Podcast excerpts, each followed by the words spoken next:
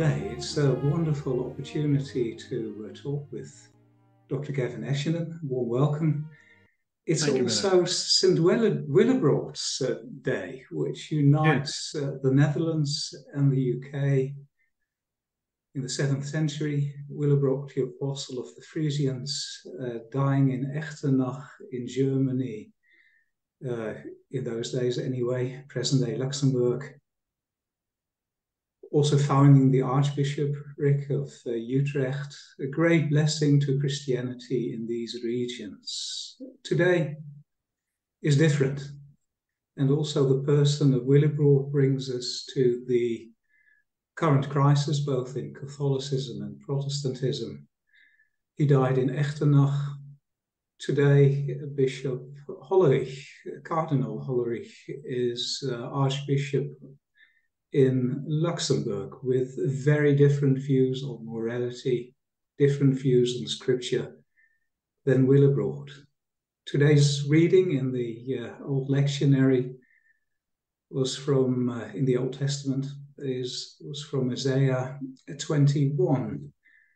How has Jerusalem, the faithful city, become like an harlot? It used to be so full of righteousness and judgment. So Willibrord and today's lectionary uh, help us into the heart of today's uh, crisis. A lot of people don't uh, don't see that. As far as the Roman Catholic Church is concerned, they would uh, refer to some informal remarks of Pope Francis the other day that he informally reconfirmed the Church's stance on uh, uh, women's ordination in line with Scripture, that it doesn't happen. So uh, there's no need for concern, is there? Or is there still a crisis thinking of, for instance, uh, Bishop Hollerich and so many others with similar views?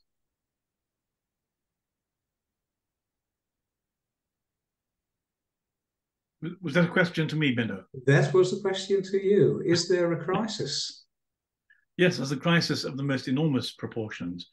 One of the most serious crises, uh, certainly, perhaps since the Arian controversy, which uh, people have been comparing it to. Uh, the crisis is multi-layered, um, and I think one has to decide whether one's going to talk about it intellectually, theologically, culturally, historically, or, or spiritually. Um, one has to choose one's language to decide yes. which one is. I mean, cl- clearly we need all of those, but it's probably important if you're having a conversation to decide which of those is the currency of the conversation. Let's let's start with the spiritual one first. I received a question the other day. Uh, yes, we're hearing about the crisis this and crisis that, and the next terrible thing that some bishop has said or done. Uh, but if we look at the spiritual it will help us to to be anchored in in God's revelation, and then we can take it further intellectually, so that people understand. Because once you understand, uh, it's it's easier to stick with the truth. But do take the spiritual angle first, please, because that's. Let, let me let me let, let me refer to the Gospel of John and and look at the um, night before our Lord's death.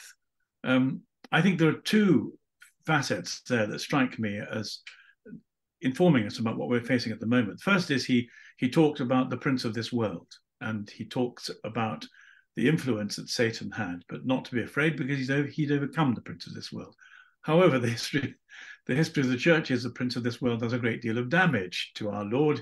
He had him killed, though our Lord rose from the dead, and then uh, undermined the whole uh, tenor and agenda of evil by um, by by the use of redemptive love rather than coercive seductive power. Uh, and uh, Christians have followed that way, but we know that we have always been struggling against an enemy. At our baptism, we turn to Christ, we repent of our sins, and we renounce the devil. Um, the problem is that that in the West, a sense of the reality of evil has been missing, uh, partly because it's been replaced by uh, the language of psychotherapy, partly because rationalism can't conceive of a metaphysical reality. It has no no scale to gauge. Um, but we are constantly facing an, an, evil which perverts us and perverts the church. The other thing that happened that that night was was was Judas. The great difficulty that the church faces, and for the moment I'm I'm talking about the Catholic Church, but but let me talk it in, in both senses, the Church Universal as well as the Roman Catholic Church, is, is a trick we haven't found before, faced before, which is that Judas has slipped into the seat of St. Peter. And this is very difficult because uh, uh, when Jesus said, Upon this rock I will build my church, he was referring to Peter. Uh, Protestants, of course, think it's a statement of Petrine faith, but let's leave that argument aside for the moment. It isn't germane to what we're talking about. Uh, upon upon this rock I build my my church, and, and the and and Judas has managed to replace himself with the Petrine, with Peter and the Petrine faith. This makes life impossible for Catholics because we can't we can't change the, the structure of revelation, uh, and and it's almost as if, for example, a parasite has got into the control room. Uh, you can't blow up the control room to get rid of the parasites. That that would be seriously counterproductive. So what what do you do if a parasite is is eating away a brain and destroying the nervous system? Um, and, and that's the dilemma that the church is facing. So we face a, a spiritual crisis of enormous proportions. We face the fact that that uh, evil has deceived so many people by presenting itself as good in terms of the sexual revolution, in terms of therapeutic and political solutions. But perhaps for, for Catholics, the most critical thing is that that evil is masquerading as Peter, and and, and understanding how to manage that is immensely problematic, and that's the crisis we face ourselves in, in the in the middle of at the moment. As you uh, mentioned, the See of uh, Peter or uh, Rome, if we um, make this more concrete, um, what are the evils you are uh, uh, talking about? Well, during the last half of from the 1950s onwards, um, Christian theology suffered a, a, number of assaults, but but two in particular. The first one, I suppose, came from German theology, which and scholarship, which suggested that the Gospels couldn't be relied upon. Um, and actually, particularly in the last 30 years, theology has swung the other way, as it always does. Uh, and we've discovered that so far from the Gospels being the product of Chinese whispers, um, the apostolic connection between the Gospel writers and Jesus is really very close. If you com- if you compare the best scenario, which is indeed perfectly possible, they were all written. One scholar suggests everything was written before AD 70 on the grounds that there are a number of editorial interpolations in the text when people can't understand something, and the the editor of the gospel can't can't bear not to write something in. Um, talking about uh, um, well, anyway, so the, the, the argument is um, that the fall of Jerusalem was so important, and Jesus' prophecies about it were so critical to everything that was to happen that it would be impossible when he said, "Not one stone will be left upon another," for an editor not to say, "And, look what's happened." And therefore, uh, this this argument was produced initially in the English-speaking world by by Bishop John Robinson, an Anglican bishop who was a a very bad theologian and wrote a terrible book called honest to God, which destroyed a whole generation's faith. But he was quite a good biblical scholar, and uh, and and paradoxically, priority of John. Yes, and it was his, but it was his view that that the Gospels had almost certainly all been been committed to papyrus by the year AD 70. Even even if they hadn't, we still have extraordinary links between uh, someone like Polycarp, who was alive in 160, who learned his Christianity from John, and so for by the year 150, if the church wanted to know what Jesus meant by the Eucharist or the Mass, it just they just had to ask Polycarp, who would say, John said Jesus meant this. So the early development of the church was profoundly rooted in apostolic witness and understanding, uh, much more than the um, than the progressive intellectual theological studies of, of, of German rationalism uh, showed. So the, the, that was that deprived people of confidence in the scriptures. The difficulty is that, that something more insidious or equally insidious took place, which was I, I, would say the growth of of, uh, of Jungian therapy. So for a while, I was a, a, a great uh, um, admirer of Carl Gustav Jung, partly because when I was working in a university, he was a very helpful antidote to, to, to, to Sigmund Freud. Uh, early Freud is disastrous, late Freud gets a bit better. Um, but in the time, certainly up until the middle of the 1990s, um, most people had a had a, um, had had their instincts defined by what they thought Freud taught. And Carl Gustav Jung was enormously helpful because he suggested that the human task uh, in dealing with religion meant that religion was not a neurosis and not something that had to be rejected, as as leftish materialism had always suggested, but actually was an essential tool of human integration and, and human becoming. The, and that that's true. The difficulty is that for him, whenever he spoke about God, his notion of God was was the developing human self. A form yes, of the archetypes.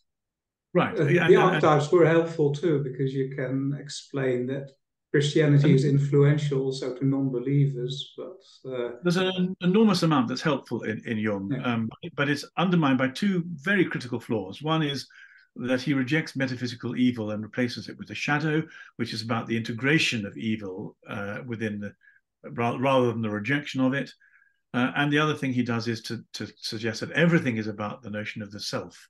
The God, God becomes with a small g becomes self with a capital S. And these two ideas, the integration of polarities and opposites, as opposed to the rejection of evil, and the narcissistic uh, pursuit of the self, have crippled society for the last 50 years. And the difficulty is that, that, that, as always, Christians either have to convert the society around us or be converted by it. And what's happened uh, is that partly through a lack of confidence in the scriptures, which was where we came into the conversation, partly through spiritual deception, uh, but particularly through ideological attraction. Christians have bought into the Jungian idea, and the Jungian idea in particular is very favorable to um, the tenets of feminism and uh, and self-same attracted people uh, as well. Um, and and the problem is that that the um, the political thought crimes of racism, feminism, and the promotion of homosexuality are all serious ideological difficulties for Christianity. If Christianity takes them on board, it becomes a different kind of philosophy, a different religion. Uh, but it hasn't. But it has to find the reasons to reject them. Uh, and the, the, crisis at the moment is certainly the people at the top of the Catholic Church uh, and liberal Protestantism has suffered from exactly the same fate have bought into the Jungian ideas and dropped, if you like, the, the, the polarities and the dualities that the gospel teaches about in favor of a therapeutic model which uh, un, uh, which simply destroys the faith. It, uh, it, it turns it essentially into group therapy instead of salvation. So at the moment, those who are in charge of the church are offering uh, a rather inept form of group. It's not even therapy that works. People don't, I mean, there are lots of studies about the effectiveness of therapy, both individually and in groups. And on the whole, it's a kind of 50 50 thing. it's not, therapy is not very effective. But the kind of therapy that, that, that Christianity has adopted is even less effective. And it's, it's, it's doubly tragic that not only should it have adopted something that destroys the faith, but something that doesn't even work. Yes, and 30 years after the rest has uh, rushed ahead. Yeah. Uh, we're really in the midst of the uh, intellectual background and reasons or, or, or, already. If we broaden this a little bit, as you were talking, I was also thinking about some of the royal uh, families in uh, Europe, a distant relative of ours in South Africa. Uh, Laurens Post was a strong Jungian with a tremendous influence on the present King of England. If uh, Lawrence Vanderpost, Post is single-handedly responsible for the heterodoxy of, of King Charles uh, and the undermining of the of the meaning of the coronation in our country. Charles Charles uh, Charles intended his vows to be understood in a Jungian way, partly through the influence of van der Post. And therefore, uh, whereas the defender of the faith might well have come to the rescue of beleaguered Christians in the body politic and seen that as his job, since that's what the oath swore, he's interpreted it in a Jungian way under under Laurens's influence, and and therefore uh, um, has dropped the idea of the faith to the Jungian notion of faith itself, religious religious, not religiosity, which of course uh, is first of all a nonsensical term that can't be defended. It, it's impossible to define. But secondly, works against Christianity.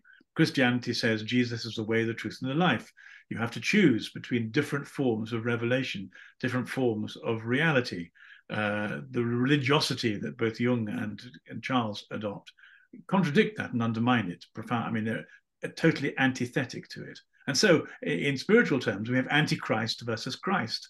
Uh, to put it at its bluntest. And that's really yeah. a very serious problem. And Laurens van der Post has a lot to answer for. Orthodox ways. You mentioned revelation, that has on the one side the element of truth, and we think differently about truth in our postmodern day and age than people did in the early church and early Christianity. There was also a covenant between uh, emperor and Christianity from the fourth century onwards, which uh, continued until the French Revolution, and in theory continues in England till this present day, but has been undermined in the way you mentioned. But if we go to truth, before, say, 1200, there was uh, objective truth in the Western tradition. But then a guy came along with the name Abelard, and he, with some others, like Occam, was responsible for the movement of nominalism, the, the, the great battle about universals. Is truth objectively present outside of us, or does it depend on our experience and on our construction? Uh, that's very similar to the existentialism we got in a secular way through uh, Sartre, Kierkegaard, in, uh, in, in some respects too. The theological reflection of all of that in seemingly orthodox theology of Karl Barth, but without the foundation. Um, and in between, there's also a Hegel who uh, changed our definition of truth uh, from thesis antithesis to uh, we've got a truth for this time and a truth for that time, and there's a dialectic movement, and they clash, and we get a new truth in uh, the subsequent century. So, so people are thinking differently about truth as uh, as, as well and look at the Bible in an existentialist way uh, of meaning assignment. It's no longer an objective truth that's revealed. The, the, the, big thing of Christianity that there's really a God present, and that despite the fall, He's able to, and our fallibility, He's able to reveal His will and is present to to little human minds. There's hardly anyone, also in theology, who believes that this day. Um, how do we recognize, uh, reconnect to to truth, and is it possible? So, of course, the first thing one should do then do is is is define truth, which is a philosophical task that is probably beyond me before my third cup of coffee in the morning. But let, let me try and shift shift the conversation a little bit um, to something that might be a bit more helpful. Um, though I'm I'm very happy to discuss the influence of nominalism uh, and, and, Hegel. Uh, and I think I would just simply say that that most most intellectual movements, mo- almost everything, contains both vice and virtue. And one of the one of the um, tasks of discernment is to distinguish between vice and virtue. I'm going to sneeze. You may need to edit it out or keep it as a, a, a tribute to mortality. I hope it's not the Black Death. Right. Um. So, um, I think I, if we were having a conversation about truth today, um, I would want to say that one of the paradoxes of our society is that a society that that was so convinced of the likelihood there was a God and a creator who was we could experience as rational was sufficiently courageous to embark upon the scientific revolution on, on, the basis that the world around us could be relied upon to be consistent. So, to some extent, uh, material truth is about consistent reality that, that we can test empirically. It's extraordinary that our society has lost that confidence to the point where where, exper- where, where existential criteria now mean that you can't answer what a woman is, that, that, that politics and philosophy have trumped biology. So we have degenerated very, very badly since the 16th century in terms of our, uh, our capacity to recognize truth. How would one even talk to somebody in our culture today about truth when there is no serious agreed epistemology? But I think I'd want to get around it and say that we're not so much looking for truth outside us as as truth inside us. And i don't mean that in a solipsistic existential way. I mean that the, the truth let's go back to jesus. Jesus is the way the truth and the life. In what sense is he is the truth? Well he tells us the truth about god that god is personal god is compassionate god is also holy. And the the balance between compassion and holiness uh, is a problematic balance. And it's not always easy to work through. Um, but he also tells us that he will expose the truth about ourselves. And I think we've spent so much in our time in our society going around in circles trying to judge empirically the truth out there that we've forgotten that the truth about ourselves is equally important. After all, if we are the scale of the judgment, we, the scales need to be adjusted well. And what Jesus does is to show us the truth about ourselves, both philosophically, that we are contingent creatures, um, who have been who are made in God's image. We're made to be good, but we struggle with the most appalling flaws. There are a whole number of computer analogies with, with, bad coding that help us uh, understand something of the theology, theological reality of that. But he he changes and mends us. And so truth can be experienced in relation to Jesus as he shows us who and what we are and how he is setting about mending us and and that's probably one of the most important aspects of truth today i think because if people don't see who they really are um, and can't be mended um, then how is it possible to act as, a, as an interpreter of truth around us? The orthodox have a wonderful saying that the, the purpose of human life is to stand before the real god with the real self with the mind in the heart. And and to put that very briefly to discover the real god is a serious task it can only be done through Jesus.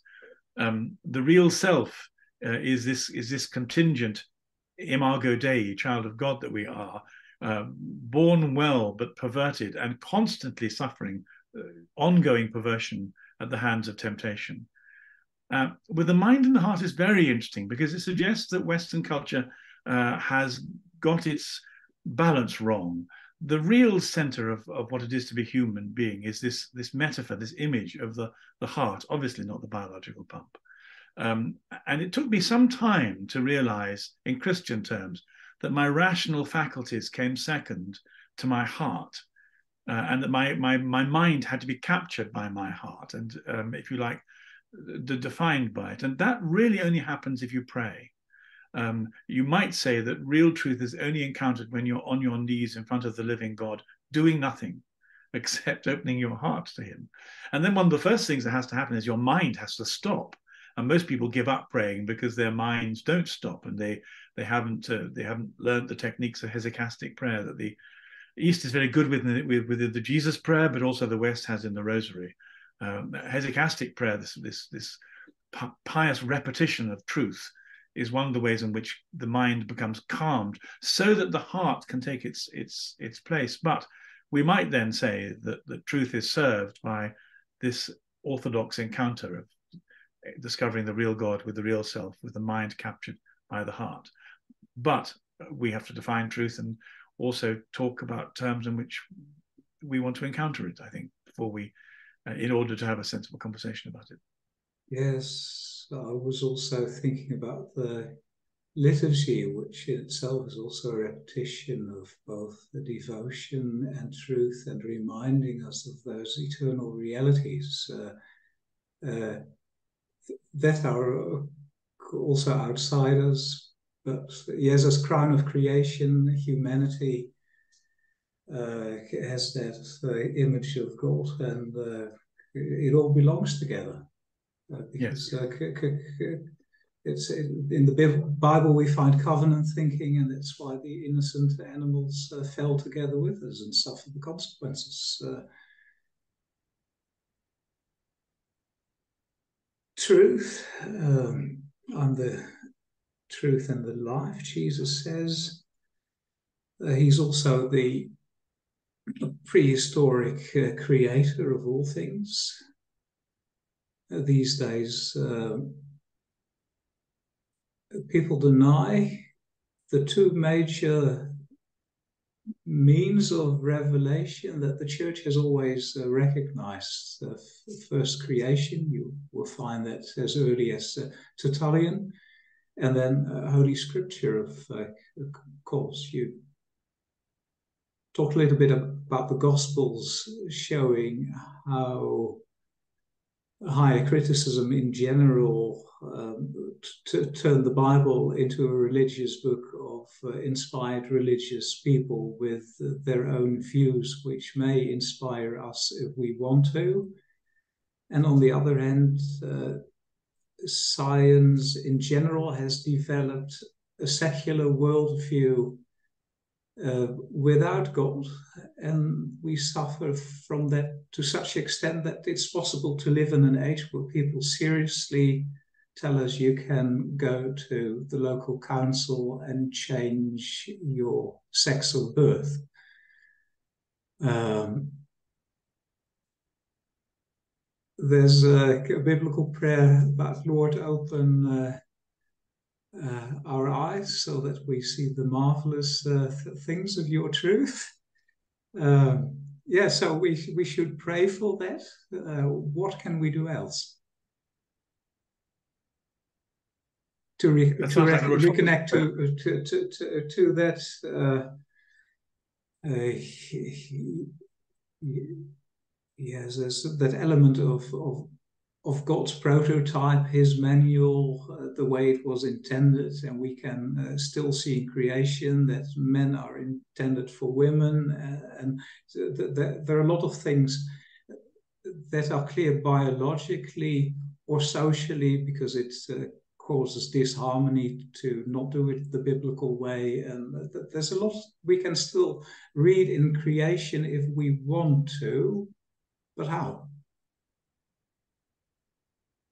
And then scripture, because uh, uh, take the controversial subject of women's ordination. Uh, I have made an inventory some years ago in a research article about what my colleagues in South Africa, where I'm also associated with the university in New Testament, think about. 1 Timothy 2, uh, that yes. a woman should keep silent in the congregation and uh, with the motivation of creation, as in Paul, and uh, then the fall. And if you add Corinthians into the equation, then there's also the headship of Christ, all three non cultural reasons. Hopefully, Christ is still head of the church, and uh, we used to believe in believe in a historical creation and fall, but uh, that's all been denied by neo Darwinism because death and destruction were creation tools, and uh, the man of the Sermon on the Mount uh, used millions of years of suffering and death and sin to create something that uh, God called very good. Uh, then you've basically lost God's revelation in creation. And if you take 1 Timothy 2, and all of my colleagues except one in New Testament and he was at my own faculty, Northwest University, said it's a black page of uh, Christendom, 1 Timothy 2. It shows us uh, really to what uh, dark depths the, the church went in the past. And of course, uh, it's, it's only reminiscent of how we shouldn't act in the church. Uh, so man basically as a judge of over scripture and denying its creator and putting it himself in the place of God. That's sort of the, the man of sin and unrighteousness of Thessalonians, where we seem to have arrived. Uh, we need more prayer and uh, work, convicting work of the Holy Spirit. That's one of the reasons Jesus said he, he should come. Um, how can we retrieve our trust in in in God and His revelation? That it's not a nonsensical, irrational jump in uh, to, to turning turning off your brain. Uh, but how to remain intellectually honest, serve God with all our mind, but with our heart and the things we do as well. Those three things we do as, as, as humans, how can we sanctify that for God again in our age? I think I would have answered this question differently 40 years ago when I became a Christian as to now. Um, the difficulty is the hypothetical person you propose. Uh, it's hard to answer in, in general terms. It's it's easier if a person comes and says, I'm having trouble with revelation, I'm having trouble with the authority of God. And then one can unwrap the thing and see what what um, uh, what the what the blocks in the in, in thinking are. But but in general, which is it's always difficult to answer in general. I would say that one of the one of the most effective ways of, of regaining faith is the liturgy, um, because what the liturgy does is it is it it's an obstacle course. It's a training course. It it, uh, it reconfigures your mind and your heart to bring you to Jesus in the sacrament.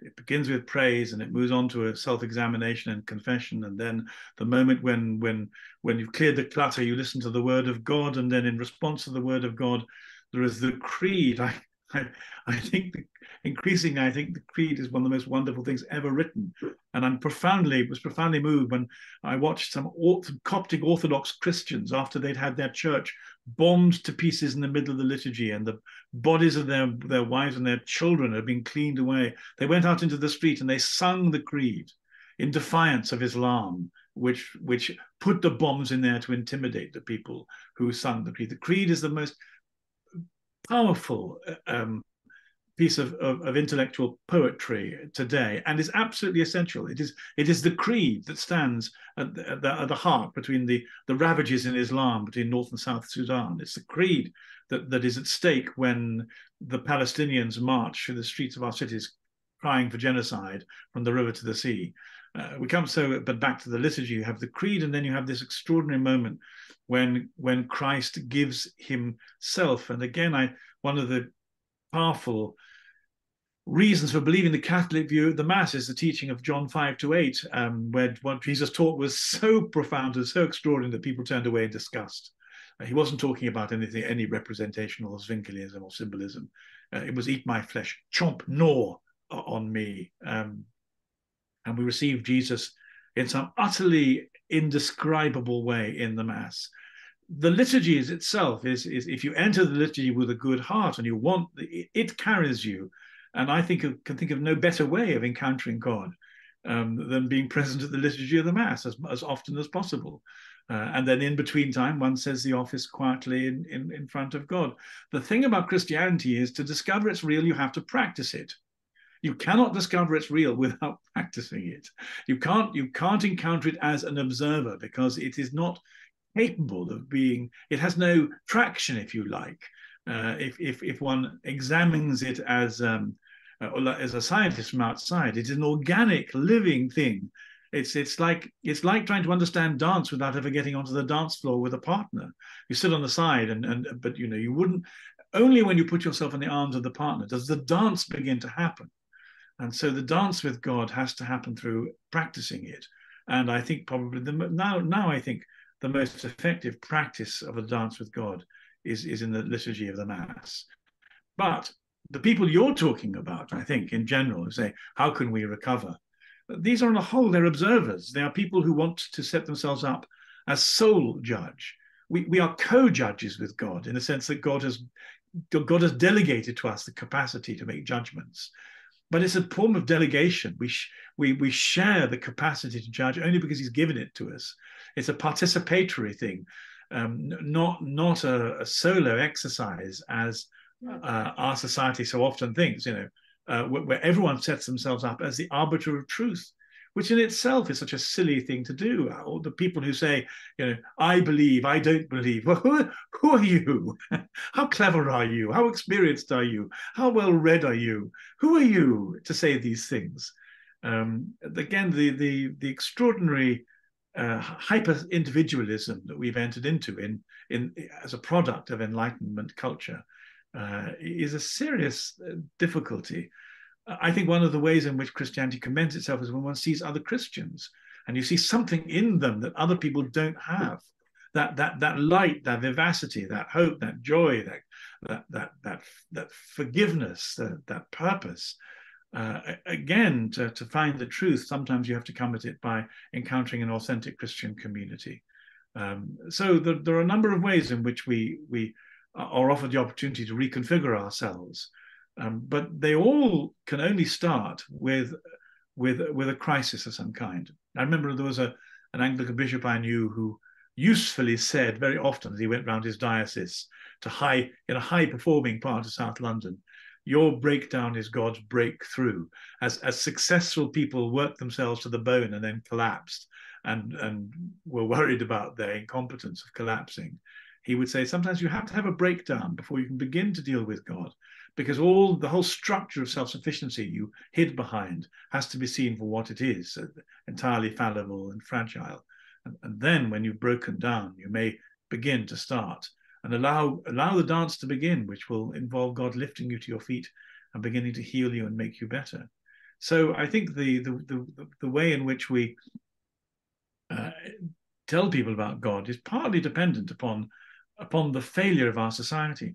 As society gets worse, Christians should, in a sense, take fresh courage because the, the, the more our idiot society engages itself in discussions about whether whether women can have penises or not, the, the, the, easier it is to say to them, you've entered Doolally land, come out.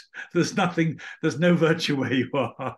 Come, come into the, the sunlit uplands of, of reality. Um, and so, as society decays further and further, our capacity uh, for telling people the truth and helping them find a better way increases. Yeah, it's a bit like uh, Psalm 19 that the, the voice in, in creation and otherwise uh, continues, whether we uh, uh, want to recognize it or not. But some of the things are so obvious that they're simply there. Uh, and you have to. Um, how does St. Paul call it in Romans that uh, uh, push the truth under uh, to, to, to, to really look away, to, to, to not see it. Yeah. You mentioned the liturgy as a combination of seeking God's revealed truth, but also practically living it and um, confessing one's sin, also subjecting to the uh, uh, to God as judge and ruler of, uh, of, of all men, so that there's authority outside of uh, us in Him, in Him, also relationally. But then I'm thinking as a um, friend of uh, several traditional uh, Roman Catholics and they will tell me that their uh, local Novus Ordo um, mess uh, more or less looks like a disco and not like something uh, you described. That the priest seems to believe sweet blow nothing and that the bishop might be worse. Uh, we know from the early church that the dignity of the, or the worthiness of the office uh, does not depend on the person who fills it, but but still also the liturgy has been changed since um, Vatican II. Uh, present day average uh, native language liturgy is uh, not as respectful as uh, the traditional Anglican Mass. Uh, some of the things have uh, changed also at critical points, uh, like uh, for whom the body of Christ is given. Uh, it used to be many. Suddenly, in some liturgies, it's it's for all, whether you worship Pachamamas or not could you address that? Where do you find a refuge to to to find that sort of uh, liturgy that allows you to draw closer? Well, I'm afraid I'm going to be provocative and say the reason I became a, a, Catholic after becoming an Anglican was because, for all the beauty of Anglican liturgy, and it's very beautiful indeed, um, Jesus was not present in the Eucharist. Uh, and the reason Jesus is not present in the Eucharist is because the Anglicans intended him not to be. That was the way, that was how they split and then they killed in our country, they viciously killed people who wanted to celebrate the real Mass in order to keep the distinction between the, the Zwinglian act of remembrance that Anglicanism uh, had put into its liturgy. So I love Anglicanism, I love the liturgy, I love its beauty, but I had to leave in the end, partly because I wanted to receive, to be sure of receiving Jesus in the Mass. And as you quite rightly say, the Donatist controversy and the teachings of St. Augustine um, have, have, have helped us formulate the clarity that the worthiness of the minister uh, doesn't affect the mass itself. So the fact that you have some really defunct and incompetent Catholic bishops and priests doesn't affect the validity of Jesus in the mass in Catholicism, which is why I go. But um, in terms of the Novus Ordo and the Latin Mass, I much prefer the Latin Mass. It's taken me the whole of my lifetime to come to a point where that's true. But there is a purpose in the Novus Ordo. Um, and the Novus Ordo um, was, was part was partly that Vatican II was a very dangerous dance with the spirit of the age. Uh, and it looks as though the spirit of the age has overcome the church through Vatican II, which is a great tragedy. But the intention was to find a balance between transcendence and immanence. The, the intention was, I mean, the Latin Mass is absolutely wonderful and glorious. You're on the threshold of, of, of heaven, but it, it's but we experience God both both transcendently and immanently. He's both he's both glorious and far off and over and above us, and yet he's he's our friend who's right beside us in the intimacy of the bathroom or the kitchen uh, or, or, the garden wherever we are. This is human beings. They are not they, they don't find it easy to stretch their capacity to relate to God, and too many of us fall into either transcendence or immanence. Um, I, I think both the Novus Ordo and the Latin Mass together uh, allow us a full encounter with God because that is something we're so bad at processing. But the but the God of heaven and earth, the God of holiness, when confronted with whom Isaiah said, "Lord, I am a man of unclean lips," and an angel comes and burns his lips to purge away the uncleanliness. That same God is the God in Jesus who comes alongside us when we are paralyzed and ask Him to carry us in our arms as as we are. And this is this is so difficult for human beings to, to manage to stretch our minds to the to this that, that we fight over whether or not it should be more transcendent or more immanent. Well, it should be both, of course. Um, we should. We, there are circumstances where we should celebrate the liturgy in a way where people can crawl into a church in their beach shorts, um, uh, half drunk, and and and and and find it accessible to them in the brokenness of their humanity, not too far off. And there are other times when they they should approach with the greatest of care and with fasting and awe and trembling. Um, but it, it, both of these are, are are proper interfaces of of the of of the ministry of the church to people. Well, it's true. I think there are some there are some uh, unhelpful things in the Novus Ordo um, and be, but they don't stop me receiving Jesus. And, and indeed, if, if if you're one of these pretentious and clever people who can see the limitations, well, then you can overcome them. they don't they don't they don't define you or capture you, but precisely because you've seen their limitations. So what's the problem? Um, but equally, the Latin Mass is not it's not for everyone everywhere. How what, what a huge jump it is to, to get across the threshold of the church and to encounter the living God if all you have is the Latin Mass. Uh, mm. I always thought the Catholic Church was probably really um, uh, with the, the, the, the, armed forces with the greatest skills in our country are called the SAS, the Special Air Services. Catholicism is very, very good at, uh, at, at making saints. And it used to be not very good at making itself accessible to the people, but now it's gone the other way around. There's too much accessibility. Um, but but but in the end, I think we simply have to uh, accept that there's a scale of encounter with God, and the liturgy is ought to be designed to allow us to find the right point on the scale so that we can enter into the presence of God and discover that who he is and who we are. Just as a, as a matter of interest, how is the ordinariate in uh, the UK going? Because I that's more, a, more respectful than General North's Ordo, I would say. Uh, yes, I, yes, I, I, yes. I mean, the, the, I fell out with with the ordinariate because, as a condition of ordaining me to the priesthood, they wanted me to keep silence and not speak to the media, and I thought that was a dereliction of the, the charism that God had given me. So that, that that's all right. But having said we've fallen out personally, I still think it's a wonderful thing. Uh, I celebrate it, I admire it, I pray for it, and uh, I, I, I I suspect it's a it's um, it's a moment in time only. I I I doubt it will have the power to replicate itself, but that's a shame because it, it ought to. It is it is a wonderful combination of the best of Anglican piety and liturgy and the re- rock solid reality of sacramental assurance in the Catholic Church. Uh, and and you know, God bless Benedict for having invented it and making it possible. And I only wish that among, as, as with so many other things, that those who have authority in the Catholic Church would see what a wonderful thing that they have in it. touching on uh, someone who is, uh, we could say, responsible or partly responsible for uh, much of the confusion in uh, in our age, Pope Francis.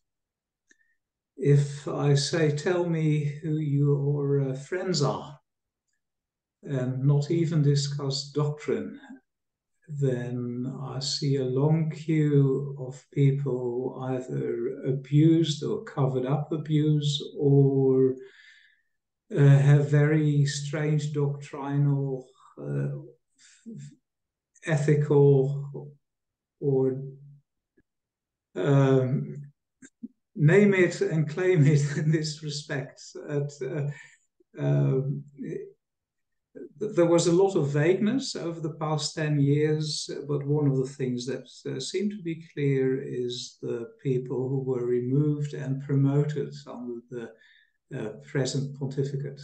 Could you tell us uh, more about that to give us some insight?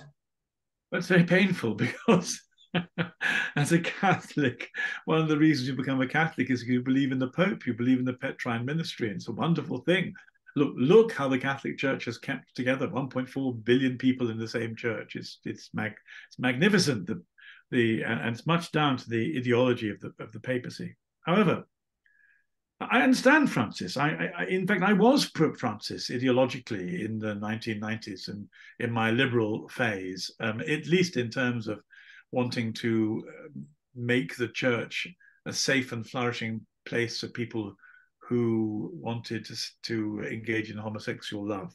Um, I, I, changed my mind on that, but that's another story. But but um, he is effectively a, a, combination of a particular culture from the sort of 50s to the 80s um, and has got stuck in it. Uh, we could argue about uh, um, the way in which he sees homosexual affection, uh, because I think that's one of the driving forces in his ideology.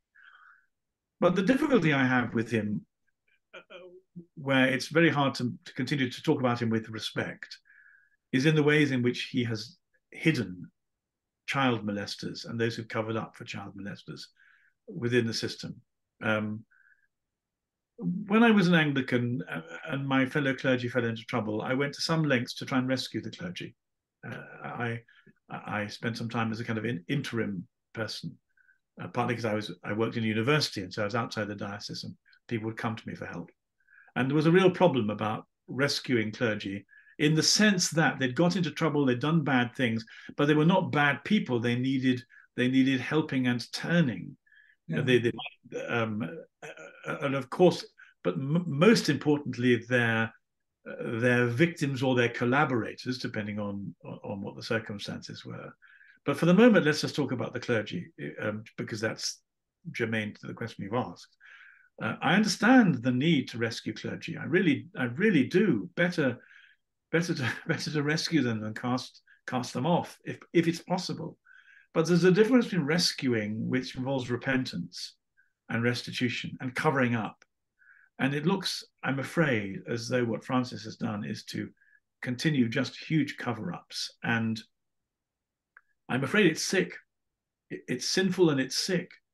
And it's dreadful to have that at the top of the church. And the problem is that the, the molestation, above all, of children is one of the most mm. dreadful things in the whole world. It's one of the most abominable evils that there could be. And for the Catholic Church, uh, these things happen amongst human beings. They happen in all societies, in all institutions. They happen everywhere. They shouldn't. Ha- they should happen least in the Catholic Church. But but so my my dog is telling me she wants she needs to go out, um, and it may be time to end the interview. She'll make a lot of noise. She's a husky. Um, but so I, I I find that utterly it's just beyond abominable, I'm afraid, and beyond defendable. Um, so the, the, the worst part about Francis is that. The next worst part is that he said he came to create a mess at the the youth day in 2013. I said he go and create a mess in the church, and through his ambiguity and his chaos, he's done that. He's said by those around him, this is hearsay, and so it's very dangerous. But he's said to be a man who relishes control and uh, and, and chaos um, and these are both very toxic elements in the spiritual struggle. Uh, and he appears to me providing a platform for uh, for homosexual blessings, which is which is a very serious defect in the sense that it intends to bless disorder. Disorder needs to be healed to become order. It must it must not be blessed. It's like blessing a cancer what you know you don't that's not how you deal with something that's going to destroy the the, the, the body you um, so it's a very very serious misdiagnosis uh, and um, uh, and all Catholics are praying that he'll be followed by a faithful Pope, um, and that the damage he's done may be limited. And and if it's not, then we are we are in such serious trouble as it's it's almost beyond my imagination to to contemplate it. So the stakes are very very high indeed. And and when people say to me, well, I can't become a Catholic. I'm actually convinced now of Catholic doctrine and of, of the beauty, of the, the, truth of the Catholic Church and of the inadequacies of the, of the Reformation movement, which has run out of steam. But I can't become a Catholic. And I completely understand that accept that accept that the more faithful catholics there are the more difficult it will be for a treacherous hierarchy to pervert the church. They must be held accountable and only faithful catholics can do that. And so we're, not we're not choosing a denomination as a matter of convenience. It ought to be done as a matter of vocation. Lord we're in a fight to the death for your church for your, for your bride. Where would you like me to fight? Well maybe it has to be the, the Catholic Church, and it has to be to fight, unfortunately, tragically, to fight to fight the figure of Judas who's taken over the Petrine ministry and brought in his abominable friends. Yes, but uh, if you would be a Catholic, for instance, in an average Western country like the Netherlands, uh, uh, on paper, maybe 3 million Catholics in church, not more than 100,000 per month. 80 90% of them left wing uh, liberals. Um, uh, a, a, clergy that has been frowned upon since um, basically since the days of Pope John Paul, is uh, out of touch with uh, reality. And uh, may, I, may I just say that two of the most impressive priests and bishops I know, Rob Mutsaerts as a bishop and uh, Father Peter Kloss, they are they're just two of the most admirable clergy I've ever met in my life, and they're Dutch and they're Catholic. The yes. thing is that the, the, the, the, Catholic Catholic Church Christianity is dying in Europe. It stinks. It's it's gone bad, but it's but it's thriving in China, uh, and uh, and orthodoxy uh, is, is, is growing in Russia and. Uh, in Russia and China, and to some extent in Africa, where the balance with Islam is precarious and being held, Christianity is is very powerful. In Europe, it's it stinks. we we we've it's not our fault. I don't, don't no way you can't attribute fault. But as it happens, we're in the dying embers of a post-Christian age, and and the people who run the churches here are are directly responsible for it. So they're they're bad. I agree, but the alternative is to sit. It's a very attractive alternative to, to sit in our rooms with our Bible uh, and say our prayers. We we can do that, but um, and I'm very tempted to do that. I I was I was infuriated in the parish I go to, where the priest spent a considerable amount of his time explaining to us how, how Pope Francis was was the emblematic example of humility because he went by public transport and and uh, he he gave up papal apartments and he didn't wear red mm. shoes and all these yeah. these I, I, I, I used a few million to uh, renovate the other apartments oh, no, instead. yes. the idea that he could sit there having having a parish priest tell me these things without any irony. Um, so it's very difficult going to church sometimes. It is. It's extremely difficult. But you know, Jesus didn't say it would be easy. He said it would cost us everything we have. So we have to. We just have to say. I, I'm not. And I'm not saying everyone has to be a Catholic. I'm not even saying everyone has to go to church. Uh, um, I personally am a Catholic and I go to church and I would recommend it if people ask me. But what we have to do is say to the Lord, Lord, what do you, what part do you want me to play? This, this it's the last battle. It's a, it's a, a hugely important moment in terms of my friendships and what I do and say online, in terms of how I vote, in terms of of, of how I, I speak up for you or don't speak up for you, how I'm frightened or courageous. Lord, what do you want of me? That's all anybody can ask. And then and then we ask the Holy Spirit to guide us and, and do what we can. And I must re- respect your vocation and your discernment, and I hope and pray you'll respect mine, and together perhaps we we can play our own part in the renewal and the saving of Christ's body. Certainly, yes.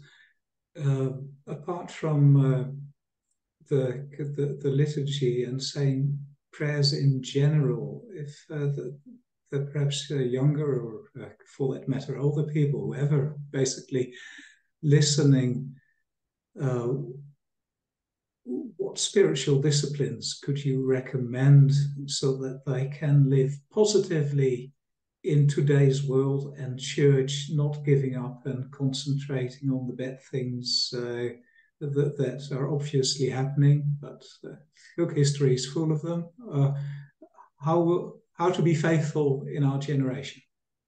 Well, I would say to young people, the first thing I would say is which I say to my children is don't get cancelled. don't don't put a target on your back too early. No no good will come of it. I mean, there may be a time when you have to walk into the amphitheater in front of the lions, but but but put it off as long as possible. yeah. um, so that that's that's the first thing. There's no point in giving people an easy target. Um, the snakes and the doves from the yeah. Gospels. Yeah. Yes, that's right. Wise as serpents, um, and gentle as doves. Um, for my my own life has become really quite simple spiritually. Uh, it's it's to take mass whenever I can. I've discovered the rosary to be the most powerful form of prayer I've ever known. I'm not saying that polemically as a Catholic. I partly became a Catholic because in my encounters with evil, I discovered Our Lady. Our Lady had an authority that I wasn't expecting theologically or spiritually, and the authority, and I, I, it's partly because I think she is the second Eve, and whereas the first Eve allowed Satan in, the, se- the second Eve um, has brought us our Savior. She's she's she's the tabernacle that contains the priest and the bread uh, and the word.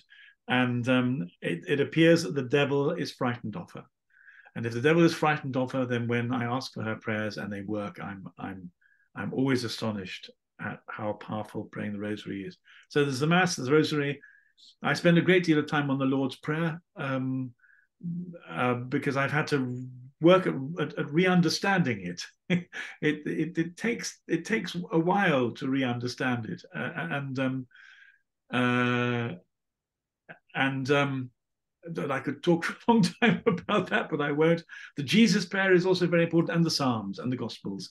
So really, the, the, the Rosary, the Jesus Prayer, the Psalms, and the Gospels, and the Mass. Do you pray the Psalms uh, through in a certain period of time?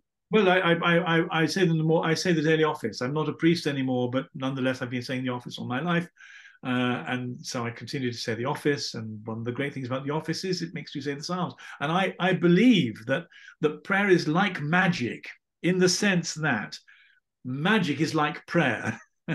so in the same way that magic is a, is, is a form of of, of um, defunct spirituality with control at its center, nonetheless it's it is a, a bad image of prayer, and therefore, if you like, prayer works like magic. In other words, to say out loud the words of the of, of the Bible is to make holy magic.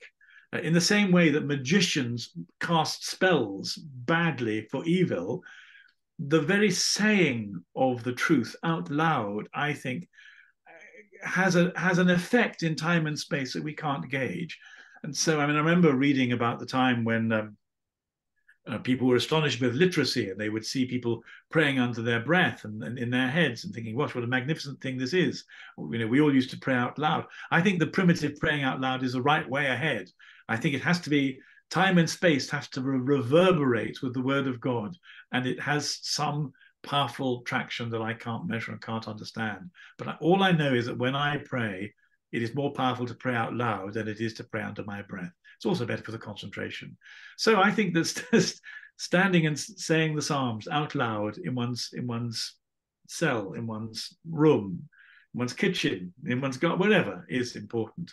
Uh, so it comes down, it, those are the elements it, it comes down to for me. The Gospels, the Psalms, the Lord's Prayer, the Rosary, the Jesus Prayer. Yes, affirming that God is and the, is a rewarder of those who diligently seek Him. Yes.